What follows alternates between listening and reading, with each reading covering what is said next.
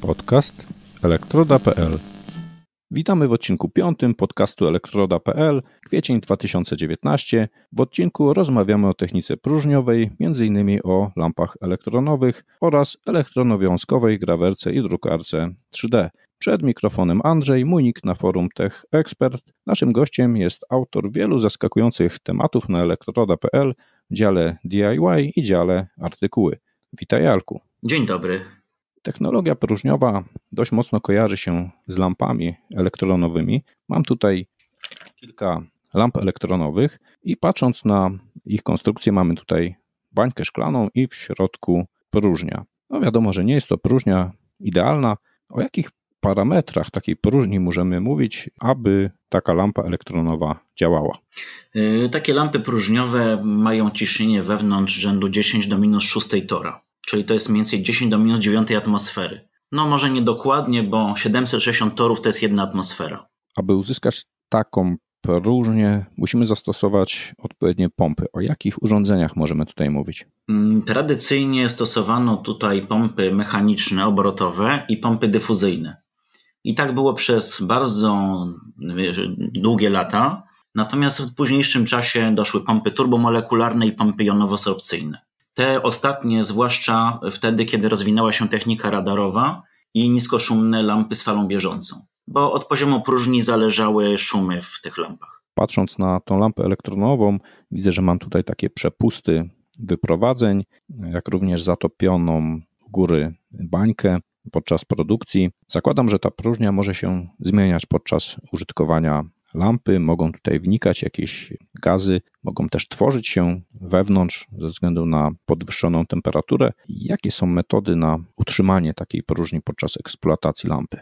E, przede wszystkim rzeczywiście masz rację, to znaczy ten poziom próżni w lampie e, zmienia się i to w sposób taki można powiedzieć diametralny. To znaczy może myśleć tak, że to ciśnienie 10-15 razy chwilowo wzrasta, potem e, wraca. Jeżeli chodzi o samo utrzymanie próżni w lampie, to tam znajduje się taki getter, zazwyczaj w postaci takiego błyszczącego nalotu na bańce. I on pełni funkcję, można powiedzieć, takiej pompy chemisorpcyjnej, która utrzymuje ten poziom próżni na odpowiedniej wartości. Widzę tutaj właśnie taką napyloną warstwę wyglądającą jak lustro. Umieszczę w temacie, do którego link jak zwykle znajdziecie pod materiałem, zdjęcia tych lamp elektronowych, które dzisiaj przygotowałem, czyli ta warstwa pochłania te gazy, które tutaj mogłyby się pojawić i, no i zapobiega zepsuciu tej próżni. Co jeszcze zużywa się w lampie? E, zużywa się katoda. E, wskutek tego, że ona pracuje w podwyższonej temperaturze, Następuje parowanie materiału tej katody. Następują też różne procesy chemiczne na jej powierzchni, tak zwane narastanie warstwy pośredniej i to wpływa na parametry lampy. Tak więc z czasem katoda, jak to się mówi, traci emisję, czyli zdolność do emitowania elektronów i no wtedy mówimy o zużyciu lampy. Zauważyłem często w opisach aukcji, gdzie sprzedawane są lampy, że została sprawdzona emisja tej lampy. To właśnie chodzi tutaj o emisję tej katody? Tak, aczkolwiek taki pomiar emisji miernikami jest w zasadzie takim pomiarem emisji umownej, tak? To znaczy po prostu producent zakłada, że lampa sprawna ma jakiś tam poziom emisji, czyli y, ileś tam miliamperów przy określonych parametrach, przy określonych napięciach na innych elektrodach, w odpowiednich tam warunkach powinno tyle być, tak? Przynajmniej tyle. Zawsze jest jakiś rozrzut. To nie jest tak, że to jest jedna, jedna powtarzalna wartość, jest to jakiś tam dopuszczalny rozrzut. Czyli sprawdzamy te widełki parametrów, czy po prostu lampa nadal je trzyma. Tak. Jeśli chodzi o lampy, jeden z podziałów to na ilość elektrod. Tutaj mam akurat jedną z tych lamp to dioda DY86, dioda wysokonapięciowa, przez co te elementy w środku są bardzo duże i łatwo no, zobaczyć, jak wygląda ta katoda, anoda. E, w przypadku diody mamy tutaj dwie elektrody, katodę i anodę. Widzę, że tutaj ta katoda to po prostu drucik, czyli jest to katoda bezpośrednio żarzona, a dookoła niej znajduje się taki cylinder, czyli anoda, ale są też katody pośrednio żarzone. Tak, Jakieś, na jakie to parametry wpływa? Katody bezpośrednio żarzone bardzo szybko nagrzewają się i bardzo też szybko stygną ponieważ ich masa jest mniejsza niż katod y, żarzonych pośrednio, to pobór mocy y, takich lamp, jeżeli chodzi o żarzenie, jest mniejszy. Stąd na przykład lampy bateryjne były właśnie żarzone bezpośrednio, żeby jak najmniej energii elektrycznej było potrzebne do żarzenia ale jest pewna cena do zapłacenia za to. Mianowicie ceną za to jest to, że przy żarzeniu prądem zmiennym następują fluktuacje prądu emisyjnego, co może się objawiać po prostu takim brzydkim buczeniem. Wobec tego e, lampy żarzone pośrednio były przeznaczone zasadniczo do żarzenia prądem zmiennym. Dlatego, że właśnie wskutek dużej bezwładności to włókno nie, czy w ogóle sama katoda nie zdążyła, e, nie zdążyła wystygnąć. Tak więc e, nie było, nie było tego objawu w postaci przydźwięku, albo był on stosunkowo niski i z tego względu lampy żarzone pośrednio mogą być zasilane prądem zmiennym. Żarzenie tych lamp. Patrząc na parametry tej diody DY86, ona ma bardzo wysokie napięcie, tutaj 18 kV i w czasach, kiedy lampy konkurowały z półprzewodnikami, jakimi jeszcze cechami mogły konkurować, a na przykład takie diody w porównaniu z diodami krzemowymi? Pierwsze w ogóle diody półprzewodnikowe y, no, nie były przeznaczone na tak duże napięcia. W ogóle przez długi czas, jeżeli chodzi o te stosy takie w telewizorach w postaci takich ołówków, one były chyba początkowo selenowe, dopiero później przeszli na, na krzem. I tutaj, jeżeli chodzi o jakieś konkurowanie, no, mimo wszystko, no, półprzewodnik wygrał, tak, z uwagi właśnie na brak żarzenia. Tak więc tutaj tę konkurencję lampy bardzo szybko przegrały. I tutaj trudno mówić, żeby były jakoś może specjalnie e, lepsze. E, może bardziej, jeżeli chodzi o sprzęt wojskowy, to znaczy odporność na impuls elektromagnetyczny. To była przez długi czas e, duża zaleta lamp i w sprzęcie wojskowym one się utrzymały naprawdę długo. Lampy właśnie wymagały żarzenia, czyli dodatkowa moc doprowadzona do lampy po to, aby ona działała. W przypadku półprzewodnikowych prostowników nie było to potrzebne. Ja takie stosy selenowe pamiętam również z niższych napięć w prostownikach e, samochodowych. Takie stosy selenowe były stosowane. No później to już były diody krzemowe. Jeśli chodzi o prostowniki, Myślę, że też to będzie technologia próżniowa. Kojarzę takie prostowniki rtęciowe w zastosowaniach prostowania napięcia dla trakcji, dla tramwajów i dla pociągów. E, one miały bardzo duże napięcia pracy, na przykład w przypadku pociągów 3 kV.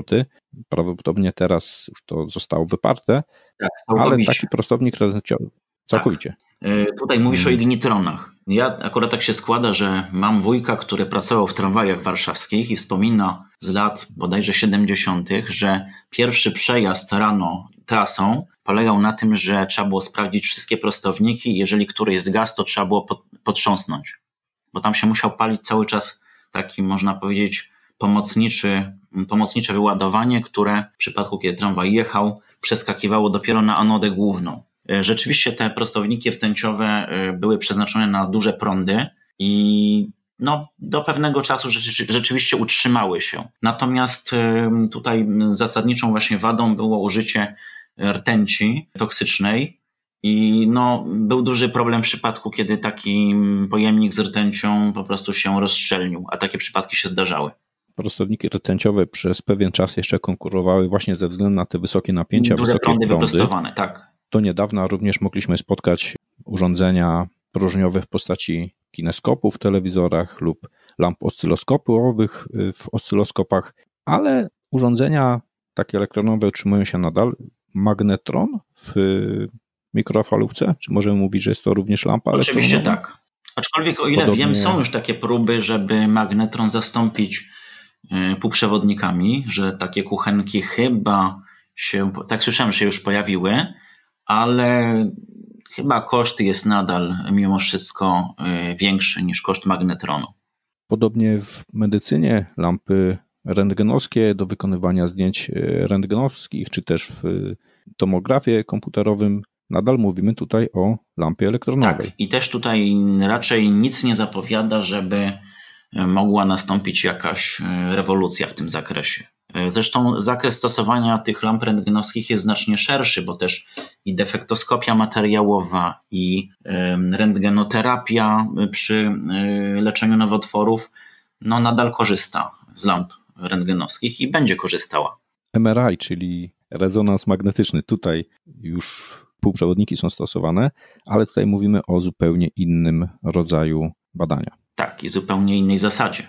Czyli taka dioda, mamy tutaj najprostszą lampę, natomiast mm, kolejna to trioda. Mam tutaj taką lampę EC81 i lampę EC88. W przypadku EC81 widzę jej konstrukcję i pomiędzy tą katodę i anodę została włączona siatka.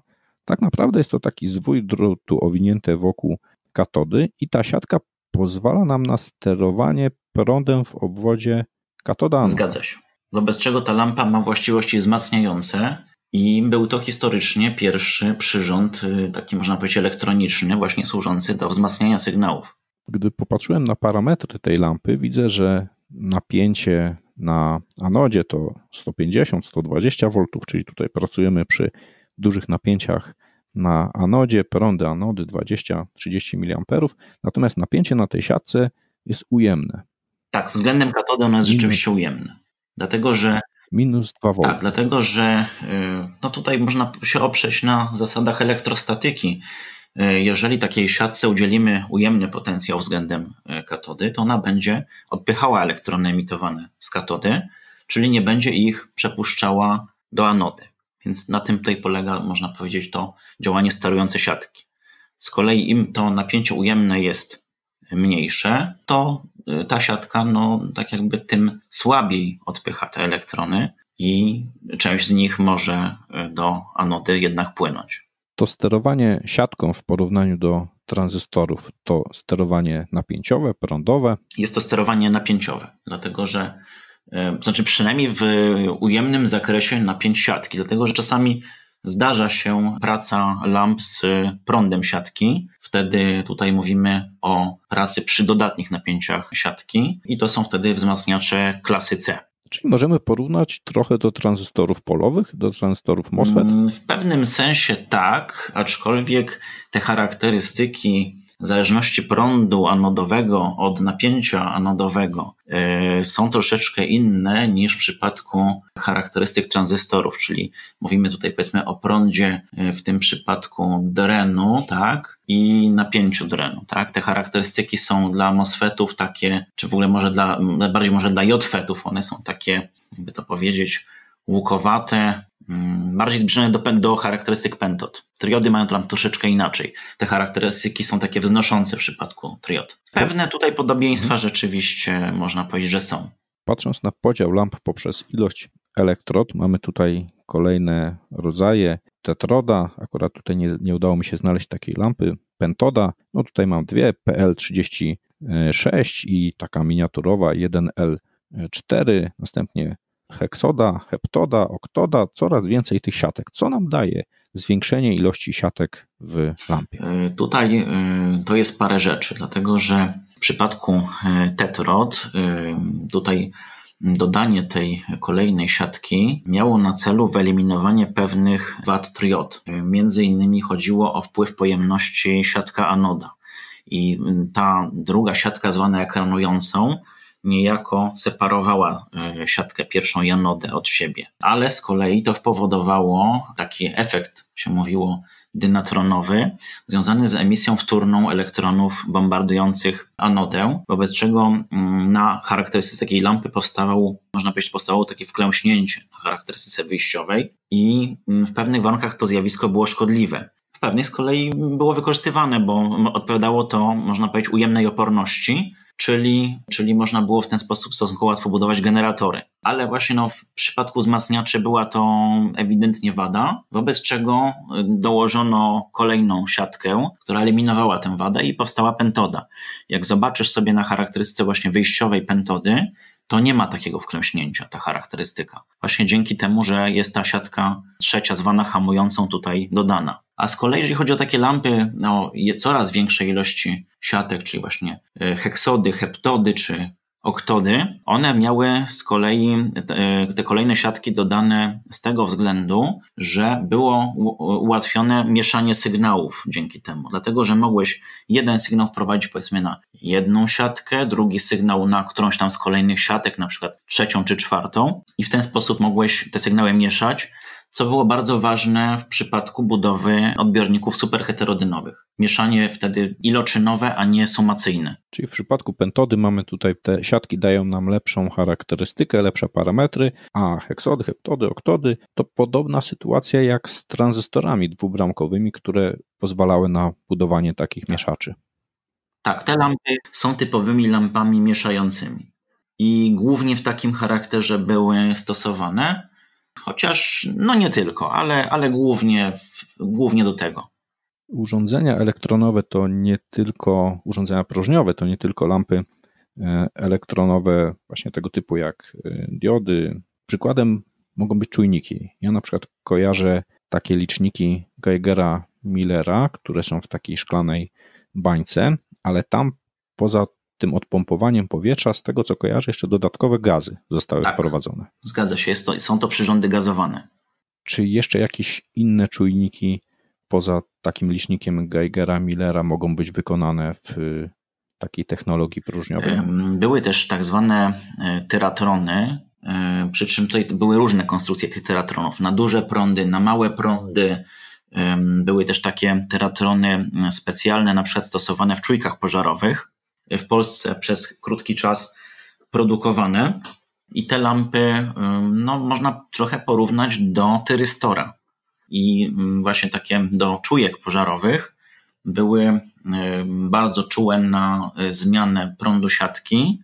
Następował wtedy zapłon takiego teratronu, no i uruchamiał się alarm pożarowy.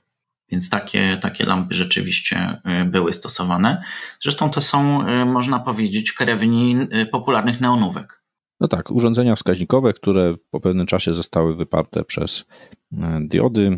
No takie neonówki były pewnie też bardziej trwałe niż żarówki. Dla mnie zaskoczeniem wiele lat temu było natrafienie na lampę elektronową w zasadzie lampę analizującą, w kamerze CTTV. Była to dość stara kamera z elektroniką krzemową, analogową, ale także były tam układy cyfrowe, ale sam układ, który był przetwornikiem obrazu, był lampą analizującą. Z tego co pamiętam, był to Vidicon czarno-biały, oczywiście obecnie wyparty przez wszelkiego rodzaju matryce CCD, CMOS, ale właśnie technologia lampowa pozwalała również na budowę kamer. E, tak, e, Widikon wynaleziony gdzieś mniej więcej w roku 50, 1950, rzeczywiście umożliwił szeroki e, rozwój urządzeń telewizji przemysłowej. Co do wyparcia Widikonu, to wyparcie nie jest całkowite, to znaczy gdzie on jeszcze bywa stosowany. Na przykład tam, gdzie zachodzi konieczność obserwacji jakichś procesów przy dużych dawkach promieniowania, czyli na przykład akceleratory. Ja, będąc gdzieś miesiąc temu na warszawskim Żeraniu,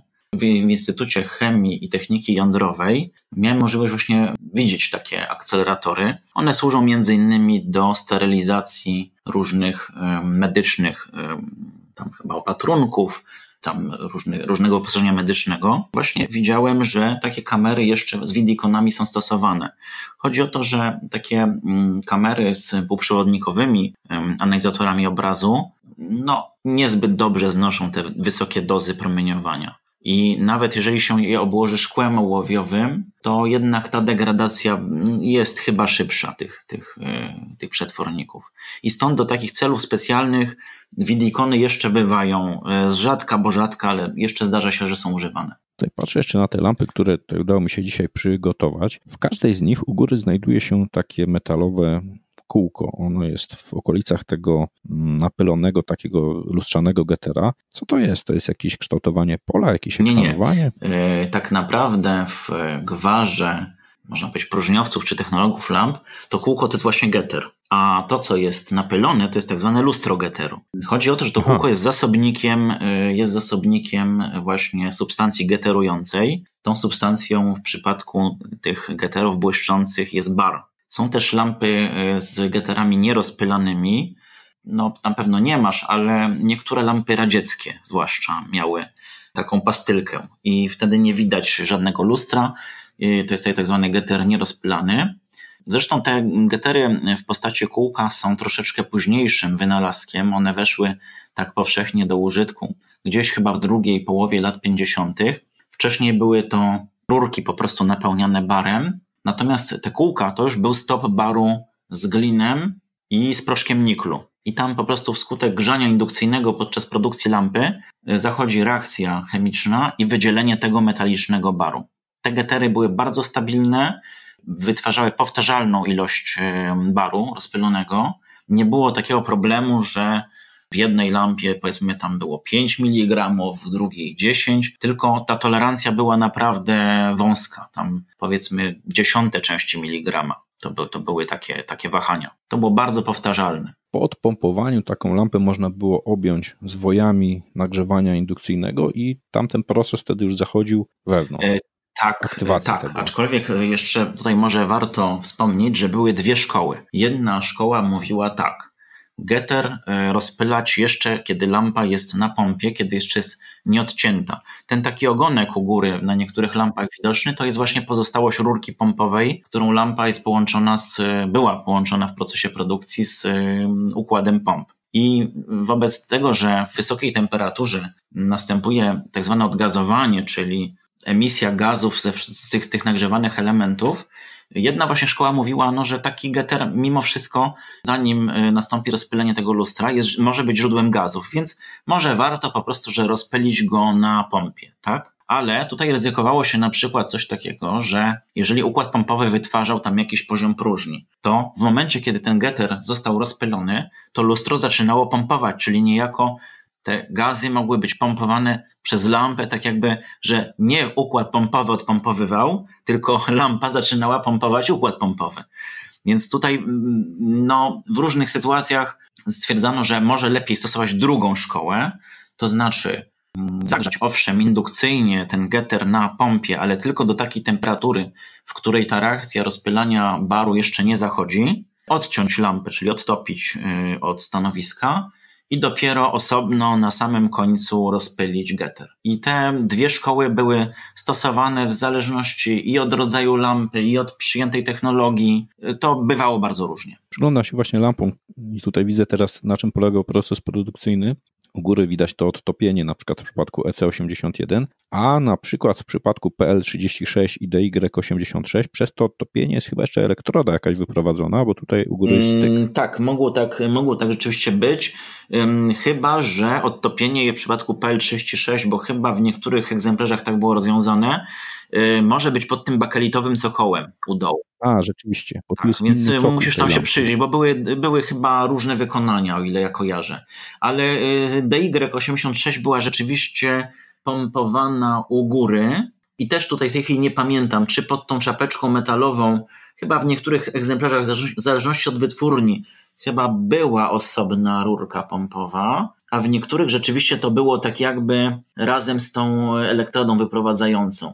I mówiąc szczerze, ten sposób odtapiania właśnie z elektrodą, jak gdyby, ja próbowałem to kiedyś robić i mi to tak, powiem szczerze, że mi to średnio wychodziło. To jest technicznie dużo trudniejsze, bo jednocześnie z tym zatopieniem, no bo powiedzmy, to musi być w ten sposób, że to wyprowadzenie y, musi być y, przed zatopieniem lampy, tak jakby przez tą rurkę pompową, prawda? Ten metalowy drucik. I teraz jak się zaczyna zatapiać, mhm. no to ten drucik się owszem zatapia w tym szkle, ale potem jeszcze tą lampę trzeba tak jakby odciągnąć od tego stanowiska pompowego. Ja właśnie nie wiem. Wtedy wydaje mi się, że to szkło się tak jakby ciągnie po tym druciku. No ja tak przynajmniej tak robiłem i potem po prostu byłem zmuszony tak jakby no oczyścić ten, ten drucik od strony atmosfery już y, z resztek szkła. Więc to tak różnie mi to wychodziło i nie lubię tego sposobu zatapiania. Jest, jest, jest y, taki mm, trudniejszy. Patrzę na cokoły tych lamp, które tutaj posiadam i widzę wtopione wyprowadzenia. Tutaj widać szczelność jest zachowana przez to szkło, w które są wtopione te wyprowadzenia. I na każdym z tych wyprowadzeń widzę taki czerwony, czerwony ślad. Czy to jest jakiś przypadek, czy to jakieś specjalne tutaj jest użyte? E, to jest tak naprawdę taka warstwa pośrednia. To czerwone połączenie to jest, można powiedzieć, tlenek miedzi, ale tlenek taki miedzi na pierwszym stopniu utlenienia, bo taki tlenek miedzi, e, która jest na drugim stopniu utlenienia, jest czarny. I czasami, jeżeli było to źle robione, to rzeczywiście to połączenie było czarne i wtedy taki wyrób należało odrzucić, bo było pewne, że to będzie nieszczelne. Że tylko właśnie ten taki czerwony, ewentualnie złoty kolor yy, dawał rzeczywiście tą próżnioszczelność. Ale tutaj też jeszcze chciałem uzupełnić, bo gdybyś miał tam pod ręką lampę jakąś nadawczą, nie wiem, jakąś taką, na przykład, nie wiem, GU 29 chyba, to byś zobaczył, że te elektrody bywają szare. Tak samo w niektórych widikonach, że one wcale nie są czerwone, bo to też zależy od tego, z jakiego szkła wykonana jest bańka. Typowe lampy odbiorcze były wykonywane ze szkła miękkiego, czyli ta bańka była ze szkła sodowego, ewentualnie e, czasami ze szkła ołowiowego i to właśnie mogło dotyczyć takich lamp wysokonapięciowych. Chodziło o to, żeby lampa jednocześnie była, um, obudowa lampy stanowiła też ekran dla promieniowania rentgenowskiego i te szkła miękkie, czyli właśnie ołowiowe czy sodowe, dają próżnioszczelne połączenia z drutami tak zwanymi miedziopłaszczowymi, y, właśnie pokryte cienką warstwą miedzi, która jest później właśnie utleniana do tlenku miedzi na pierwszym stopniu utlenienia. Natomiast takie lampy nadawcze były wykonywane ze szkła tak zwanego twardego, molibdenowego i tam przepustami właśnie bywa molibden albo ewentualnie kowar, który ma ten sam współczynnik rozszerzalności. Bo tu jeszcze też nie powiedziałem, że warunkiem próżnioszczelności są jest odpowiedni dobór współczynników rozszerzalności drutów, które przechodzą przez to szkło. No i drugi warunek, że szkło musi chcieć zwilżać ten materiał. To są te dwa, jak gdyby, warunki yy, próżnioszczelności. Wspominaliśmy już o elementach wskaźnikowych, takie jak neonówki, ale w technologii próżniowej mieliśmy też wyświetlacze, no popularne obecnie ze względu na efektowny wygląd. Nixie, wskaźniki wystorowania, magiczne oko, EM11, ale także już wspomniane lampy oscyloskopowe, kineskopy i tutaj te elektrony w tych dotychczasowych rozwiązaniach, o których mówiliśmy, płynęły pomiędzy, czy też przemieszczały się pomiędzy katodą a anodą. A w, takim, w takiej lampie oscyloskopowej lub w kineskopie one były wyrzucane z wyrzutni elektronowej. To znaczy, to jest też troszeczkę inaczej, dlatego że weź na przykład kineskop pod uwagę, mhm. to będzie najłatwiej może na tym przykładzie. Tam było takie, takie można powiedzieć, wyprowadzenie w postaci takiej miseczki, tak? to się nawet mówi, miseczka anody. Tak, u góry. Mhm. Więc y, to, je, to je, mimo wszystko docelowo to jest przepływ elektronów między katodą i anodą. Oczywiście tam jest rozpływ też na te inne elektrody, tam skupiające troszeczkę tych elektronów, tam zawsze kończy żywot na tych, y, na tych elektrodach, ale gro elektronów biegło do ekranu, tam wybijało elektrony wtórne i te elektrony wtórne Y, tak czy inaczej docierały do anody. Tylko, że ta, anoda bywała w takiej postaci mm, od wewnątrz mm, albo napylonego takiego srebrnego glinu, tak, aluminium, albo ewentualnie w postaci takiego grafitu zwanego akwadagiem. To były te takie dwie, dwie możliwości. Pewno widziałeś w lampach oscyloskopowych, że wnętrze ich bywa y, takie czarne albo błyszczące, bo to zależy od przyjętej technologii. To jest właśnie napylona ta warstwa, stanowiąca w zasadzie anodę. A, no właśnie, to mnie dość mocno zmyliło, bo patrząc na lampę oscyloskopową, widziałem tam luminofor, który nie przypominał kolejnej elektrody, czyli zawsze mówimy w takiej lampie o przepływie elektronów no, z katoda tak, tak. Przy czym tutaj jeszcze uzupełnię, że chodzi o luminofor, bo e, w lampach oscyloskopowych też różnie bywało. Ekrany tych lamp bywały metalizowane i niemetalizowane. Zresztą przy kineskopach dokładnie to samo. W zasadzie wszystkie późniejsze kineskopy były metalizowane, czyli e, od strony, nazwijmy to widza czy obserwatora, e, no to widzisz oczywiście luminofor w postaci takiego białego, ewentualnie lekko szarego, naniesionego proszku. E, natomiast tam od strony wyrzutni była stosowana metalizacja. Bardzo cieniutka. Tam chyba było 2-3 mikrony tej metalizacji. Tak więc elektrony przez taką cieniuteńką warstewkę były w stanie wniknąć w luminofor, żeby wywołać jego świecenie, po czym przez tą metaliczną warstewkę były odprowadzane do mm, właśnie do wyprowadzenia anody. Natomiast we wcześniejszych lampach bez tej metalizacji, no to się odbywało się na tej zasadzie wspomnianej już przeze mnie, czyli taki elektron bombardował takie ziarenko luminoforu i jednocześnie takie ziarenko luminoforu emitowało elektrony wtórne. I one y, dopiero leciały tam przez ten obszar próżni do y, anody. To były takie dwa, mm, dwa mechanizmy. Co dawała metalizacja? Metalizacja dawała tak naprawdę dwie rzeczy. Po pierwsze, że ponieważ działała jak optyczne lustro dla światła, y, no to poprawiła, poprawiała się jaskrawość takiego ekranu. Prawda? To, było, to było jedno działanie. A drugie było takie, że w pewnym stopniu ta warstwa chroniła przed jonami, no bo nigdy próżnia w lampie nie jest idealna, tak, nawet takiej kineskopowej. One były troszeczkę lepiej pompowane niż lampy takie odbiorcze, ale zawsze jakaś tam ilość gazu zostaje i jest powodem powstawania jonów i te jony, tak działając bezpośrednio na luminofor po dłuższym czasie, mogły wywoływać taki efekt ciemnienia tak zwanej plamy jonowej. I ta warstwa metaliczna w pewnym stopniu e, przed tym chroniła. Wcześniej, e, zanim to wprowadzono, były stosowane tak zwane pułapki jonowe. Nie wiem, czy o tym słyszałeś. Na bardzo starych kineskopach przy wyrzutni można zobaczyć, że jest magnes. I to jest właśnie magnes pułapki jonowej.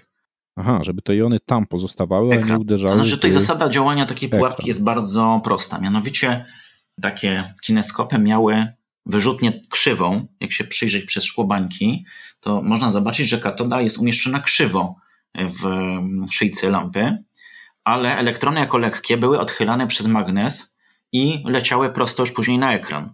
Natomiast jony jako no, dużo cięższe od elektronów, bo najlżejszy jon wodoru jest 1840 razy cięższy niż elektron, no nie były w stanie się tak e, w tym polu magnetycznym magnesu odchylać i swój żywot kończyły na, ściance, na, no, na ściance kineskopu, ewentualnie na którejś tam z elektrod. Więc to, to była taka separacja magnetyczna, można powiedzieć, elektronów od jonów. W jednym z tematów DIY zaprezentowałeś ciekawą konstrukcję przeróbki spawarki elektronowej na grawerkę, drukarkę 3D. Czy zasadę działania można porównać właśnie do lampy takiej oscyloskopowej? Tak, chyba najbliżej właśnie tutaj takiej, takiemu urządzeniu do kineskopu, bo tak jak w kineskopie jest wyrzutnia elektronów, jest elektroda Wenelta, y, która steruje y, tym strumieniem, natężeniem tego strumienia, czyli tak, jak, tak samo jak w kineskopie. Skupianie tutaj najczęściej jest magnetyczne, czyli tak jak we wczesnych kineskopach. Tutaj dlaczego magnetyczne, a nie elektrostatyczne? Chodzi mianowicie o to, żeby ten strumień elektronów był jak najsilniejszy, bo to jest tutaj przy spawaniu, przy spawaniu elektronowym bardzo ważne, żeby ten strumień był naprawdę dobrze skupiony i no, żeby tego prądu było dużo. Tak? Bo tutaj chodzi nam o taki efekt nagrzewania bombardowanego materiału. I ten materiał znajduje się oczywiście w próżni, co niesie za sobą e, pewne korzyści. No, technicznie oczywiście e, takie urządzenie jest na pewno bardziej skomplikowane, dużo bardziej skomplikowane niż spawarka TIG, czy taka spawarka elektrodowa zwykła do spawania na przykład ogrodzeń. Czy w takiej konstrukcji również występują takie negatywne negatywne zjawiska, jak na przykład emisja jonów lub inne rzeczy związane z tak, gazowaniem, i ta emisja e, jonów, ponieważ e, spawarka elektronowa, wyrzutnia spawarki elektronowej e, no nie pracuje w takiej dobrej próżni jak wyrzutnia kineskopu. Tam spawarka elektronowa jest pompowana w sposób dynamiczny, to znaczy cały czas pompy usuwają wydzielające się gazy, ale mimo wszystko E, zazwyczaj w komorze takiej wyrzutni, spawarki, to ciśnienie jest rzędu 10 do minus 5, może 10 do minus 6 tora. Dla porównania w dobrym kineskopie ta próżnia była o dwa rzędy zazwyczaj lepsza, czyli 10 do minus 7, 10 do minus 8 e, tora. I wobec tego też ten strumień jonów jest tutaj w spawarce elektronowej stosunkowo duży i e, skutkiem tego jest stosunkowo szybkie niszczenie katody. W takich urządzeniach katodę w zasadzie, jeżeli jest katoda żarzona bezpośrednio, wymienia się raz na kilka godzin. Czyli na przykład, jeżeli rano przyjdziesz do pracy, no to pierwsze, co powinno być wykonane, to właśnie założenie nowej katody i następnego dnia rano w zasadzie zakłada się następną. Chyba, że na przykład jest spawanie bardzo intensywnie prowadzone, no to wtedy może się zdarzyć, że w trakcie pracy po prostu taka katoda się przepali. E, zresztą na powierzchni takich zużytych katod widać często taką, można powiedzieć, dziurę, właśnie spowodowaną tym, że jony uderzały i niszczyły. Poza grawerowaniem na powierzchni, rozmawialiśmy w temacie na temat możliwości drukowania 3D, czyli kolejnych warstw, nakładania kolejnych warstw i wydruku 3D metalicznego. Jak obecnie wyglądają postępy no, tego trudnego procesu? Znaczy, ja może jeszcze się tutaj właśnie wrócę do sprawy grawerowania. Samo grawerowanie powierzchni metalu nie wymaga wcale tak dużego prądu, bo tutaj nam zależy tylko nad takim, można powiedzieć, delikatnym nadtopieniu tej powierzchni. I okazuje się, że te prądy i napięcia mogą być porównywalne powiedzmy z prądami w kineskopie kolorowym, albo niewiele, y, niewiele większe są. Czyli to może być dosłownie 2-3 mA przy napięciu 18, powiedzmy 25-30 kV. Natomiast no, spawanie wymaga oczywiście dużo większych mocy. Natomiast jeżeli chodzi o spiekanie właśnie proszków, czyli, czyli można powiedzieć to, co jest podstawą drukowania 3D, to tutaj w dużej mierze zależy to od tego, jak szybko chcemy ten proces prowadzić.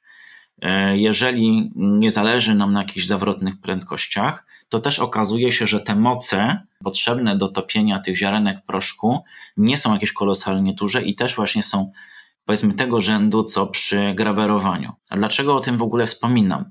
Dlatego, że na właśnie na elektrodzie ktoś sugerował, czy nie dałoby się tutaj zastosować układów zasilania, powiedzmy, z kineskopu.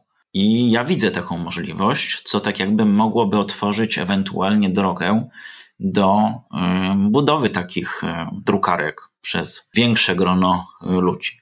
No tak, zdecydowanie tak, prostsza konstrukcja. Tak, więc ja widzę taką możliwość. Natomiast wracając tutaj do Twojego pytania, no póki co nie uporałem się właśnie z problemem podawania materiału. To jest największy problem, dlatego że to podawanie materiału odbywa się oczywiście w warunkach próżni, czyli ten proszek musi się już tam znajdować, musi się znajdować tam zasobnik i jakiś układ rozprowadzania e, proszku oraz opuszczania tego drukowanego detalu. Koledzy w tej chwili kończą e, taki podajnik e, oparty o silniki krokowe, ale trudno przewidzieć w tej chwili, czy ten podajnik spełni wszystkie pokładane w nim nadzieje. I tak może zarysuję pokrótce, jakie tutaj mogą być problemy. No, choćby problem jest taki, że ewentualnie gdzieś tam pozostające ziarenka proszku mogą zacierać mechanizm po prostu prowadzący, tak? To jest jedna, y, jedna trudność.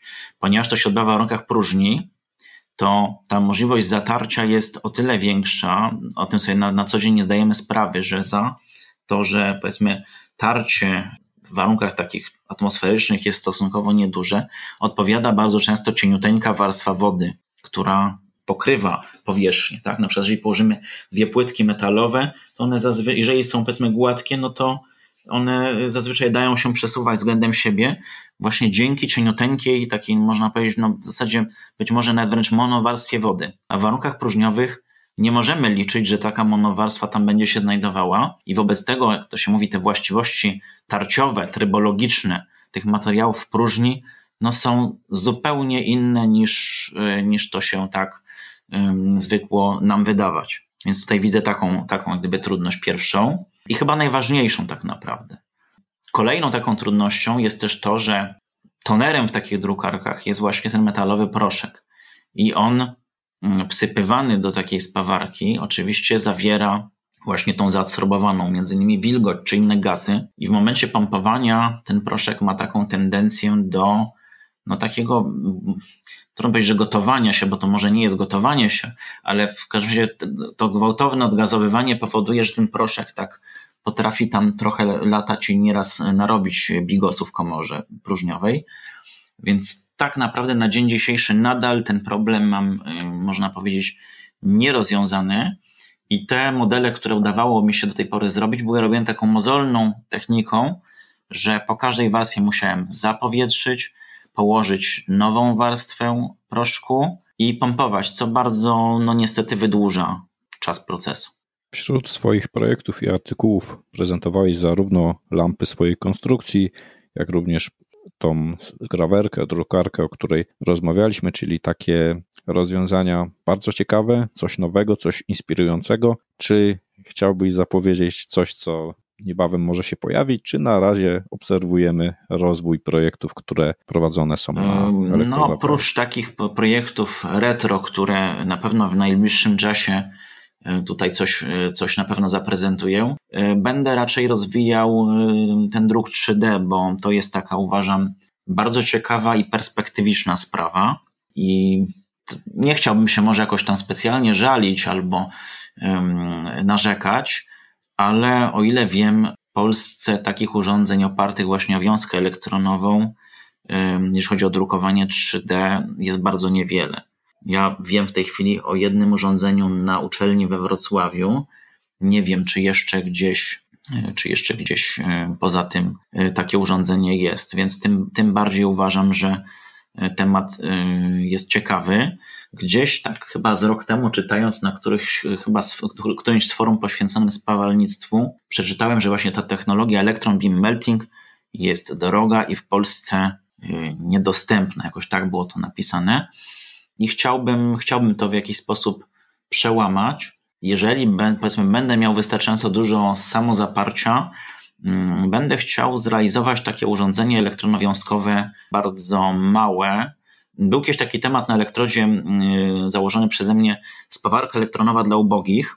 Tam było to troszeczkę na wyrzutnia była znacznie biedniejsza i działająca na troszeczkę innej zasadzie niż taka, jak tutaj mówiliśmy, ale chciałbym być może właśnie coś zrobić, no może na, nie na bazie kineskopu, bo tego też już tak specjalnie nie ma, tak, że pójdziemy na śmietnik i kineskop będzie, ale żeby to było na tyle proste, żeby mogło to w jakiś sposób trafić pod strzechy. Chciałbym. Chciałbym taki projekt zrobić i być może będzie to możliwe, zobaczymy. Czyli zarówno mówimy tutaj o projektach, które można odtworzyć, które trafią pod strzechy, o projektach, które ratują technologię, która już jest w bardzo małej ilości, a nadal można z niej uzyskać ciekawe efekty. Tutaj chyba też warto wspomnieć o rozwiązaniach elektromechanicznych. Jednym z tematów, który zaprezentowałeś, to centrale elektromechaniczne. E, taką centralę e, udało Ci się uruchomić. Ma ona nawet połączenie z e, VoIP. Tak, rzeczywiście. I tutaj można powiedzieć, że w dużej mierze zadecydował łód szczęścia, że udało się w ogóle uzyskać elementy takich, takich central, bo o te wybieraki i inne elementy nie jest już tak łatwo. Zresztą chyba nigdy nie było, bo ja sobie nie przypominam, żeby gdzieś te elementy tak były dostępne, nie wiem, czy na bazarach, czy gdzieś, no, no nie, nie zdarzyło mi się. Być może zawsze było tak, że ta telefonia była owiana jakimś takim lekkim nimbem tajemniczości czy niedostępności. I tego rzeczywiście zachowało się bardzo mało. Jeżeli chodzi o nasze polskie muzea, to na dzień dzisiejszy wiem, że chyba dwie takie centrale albo trzy znajdują się w Skierniewicach. Tam jest takie muzeum kolejnictwa. Jakieś elementy centralowe są, ale chyba nie, nie, nieczynne, tylko po prostu jako eksponaty są w Muzeum Energetyki w Łaziskach. Też elementy takie nieczynne, starszej konstrukcji, chyba po niemieckie, są w Muzeum Telekomunikacji we Wrocławiu. I podobno jest w Muzeum Techniki w Warszawie centrala stróżerowska. Natomiast to muzeum na dzień dzisiejszy jest chyba od dwóch lat e, nieczynne tam w związku z perturbacjami własnościowymi. Tak więc jak można powiedzieć, że w skali kraju tego zachowało się naprawdę bardzo mało i stąd tak jakby no, ta moja troska o zachowanie tych elementów.